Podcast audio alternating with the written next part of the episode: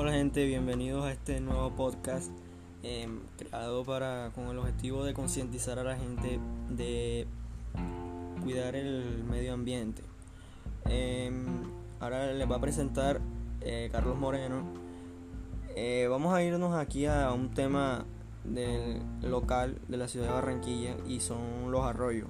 En esta temporada de lluvia em, se han presentado muchos, muchas fuertes lluvias y lo que ha generado que en los arroyos se, lleve basura y esta llegue a, parar al, río.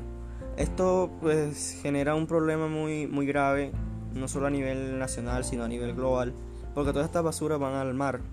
Y sumándole con esto de, la pandemia y los tapabocas, agregándole los palos, bolsas y residuos que se agregan a las orillas del río, esto lleva a que eh, muchas especies marinas y eh, pues se coman estos, estos desperdicios y mueran.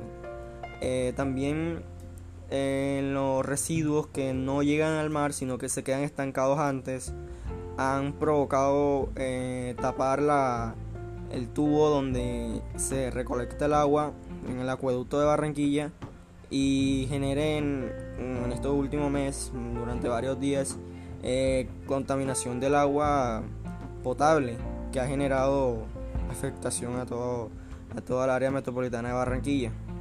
Em, también podemos decir de que estos, estos residuos han afectado demasiado porque también pueden generar acumulación y la proliferación del virus del dengue. Eh, bueno, muchas gracias.